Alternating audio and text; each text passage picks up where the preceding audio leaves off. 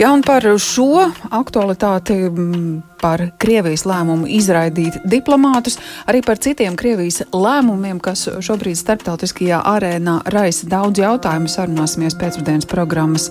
Šo stundu turpinot, jā, arī Latvijas vēstniecības pārstāvi ir apliecinājuši, ka ir bijusi šī tikšanās un ir paziņots, ka nedēļas laikā valsts jāpamet septiņiem Baltijas valstu un Slovākijas diplomātiem, trīs Slovākijas, divi Lietuvas un pa vienam no Latvijas un Igaunijas vēstniecības darbiniekiem būs jāatstāj sava darba un dienesta vieta.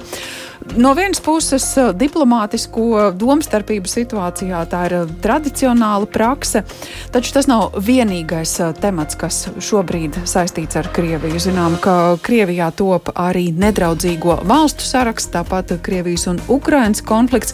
Jautājumi, par kuriem šodien arī Eiropas parlamentā tiek runāts, un Latvijas radio ziņu dienestu korespondentu Brīselē Ārķam Konohovu tādēļ esam aicinājuši pie pēcpusdienas programmas tālruņa. Labdien!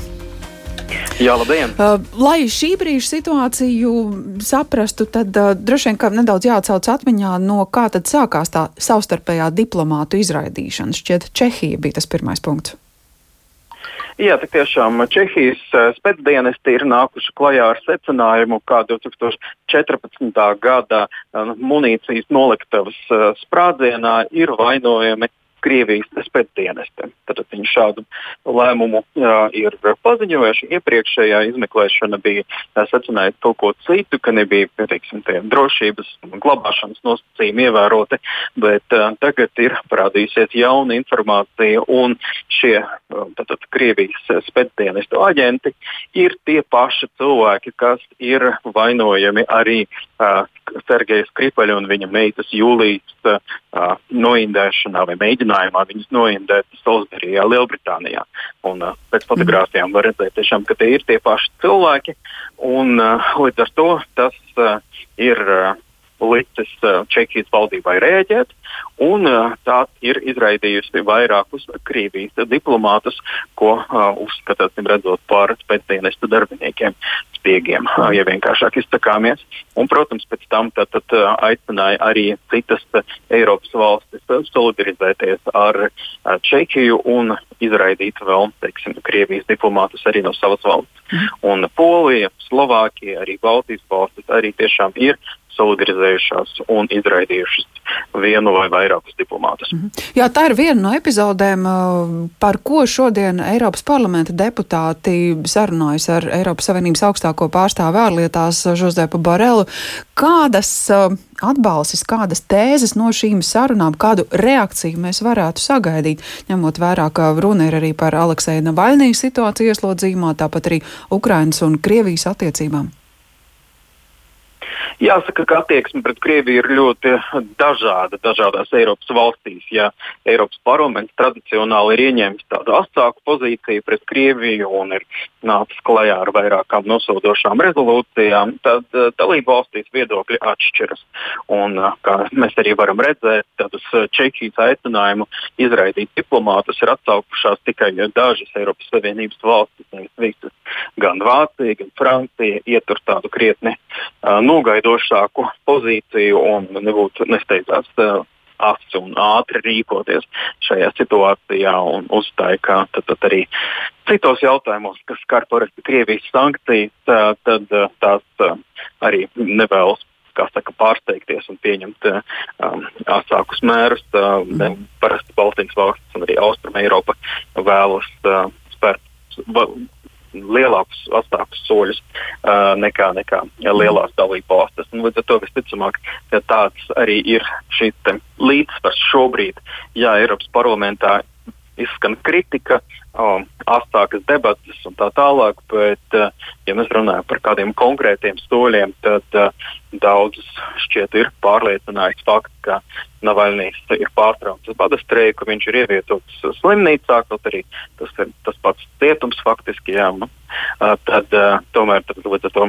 ka šie soļi ir spērti, tad uh, šķiet, ka arī pagaidām Eiropa nekā, neko citu nedarīs. Mm -hmm. Paldies par šo stāstījumu un gaidīsim dienas notikuma apskatā noteikti plašāku informāciju par šo tikšanos. Latvijas radio ziņdienas korespondents Briselē Arķems Konohaus par šo tematu sarunu turpināšu ar Latvijas ārpolitikas institūta asociēto pētnieku Artūru Bikovu. Labdien! Labdien, labdien! Uh, bez uh, visa minētā, zinām, ka Krievija veido arī nedraudzīgo valstu sarakstu, kurā nu, jā, ir arī Baltijas valstis, uh, līdzās ASV, Lielbritānijai, Kanādai, Austrālijai, Polijai, Čehijai un Ukrainai. Kam mums gatavoties, zinot, ka šāds saraksts top? Es domāju, ka nav speciāli kaut kā jārīkojas un par katru cenu teiksim, jāmaina Latvijas ārpolitiku uh, attiecības ar Krieviju un ne tikai. Uh, vēl jau vairāk paturot prātā, ka šīs saraksts un teikt, sankcijas par to, ka valsts ir iekļauta šī sarakstā, lielākoties skar um, ārlietu dienas, dienas, nevis teiksim, um, parastus pilsoņus uh, vai, vai valsts iedzīvotājus. Kaut gan tas nenozīmē to, ka mums tagad pilnīgi jāignorē to, kas, tas, to, kas notiek, jo nav izslēdzams, vismaz es neizslēdzu to, ka nākotnē sankcijas, kas ir saistītas ar to, ka valsts ir iekļautā šajā sarakstā, varētu būt plašākas ja, un iekļaut ne tikai ārlietu dienestu, bet kaut ko vēl.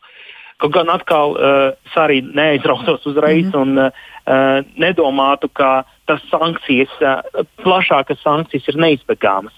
Um, šobrīd tas ir uh, galvenai, galvenais sankcijas, kas, iet, sanā, uh, kas, kas ir paredzamas saistībā ar to, ka valsts ir iekļautā šajā sarakstā, ir tās, ka uh, ārlietu dienests un respektīvi uh, vēstniecības nevarēs nodarbināt Krievijas uh, pilsoņus, kas savā ziņā ir ierobežojums vēstniecībām strādāt labāk, jo kā arī atzīme um, daži cilvēki Krievijā, un kas arī ir diezgan loģiski, ir, ir um, tādi, tādi jautājumi, tādas uh, problēmas, kurās būtu vieglāk risināt uh, valsts pilsoņiem. Nu, respektīvi, viss, kas ir saistīts ar rutīnu, kad ir nepieciešams atrisināt kaut kādas teiksim, tehniskas Jā. problēmas vai ko līdzīgu, acīm redzami, ka vieglāk šo problēmu atrisināt Krievijas iedzīvotājiem, Krievijas pilsoņiem, nevis, teiksim, Latvijas iedzīvotājiem, Latvijas pilsoņiem. -hmm. Jo tā komunikācija ar valsts iestādēm arī ir vieglākā,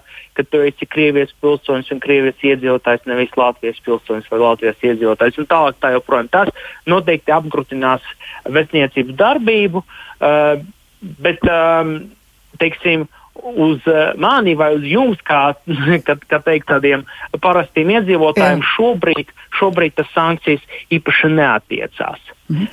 Tā Krievijas uh, rīcība šādu sarakstu veidojot, uh, lai gan šobrīd ir aizbildinoties, ka, ka tas nav nekas vairāk kā tikai reakcija uz attiecīgo valstu pašu retoriku attiecībā pret Krieviju, ir kā tāds.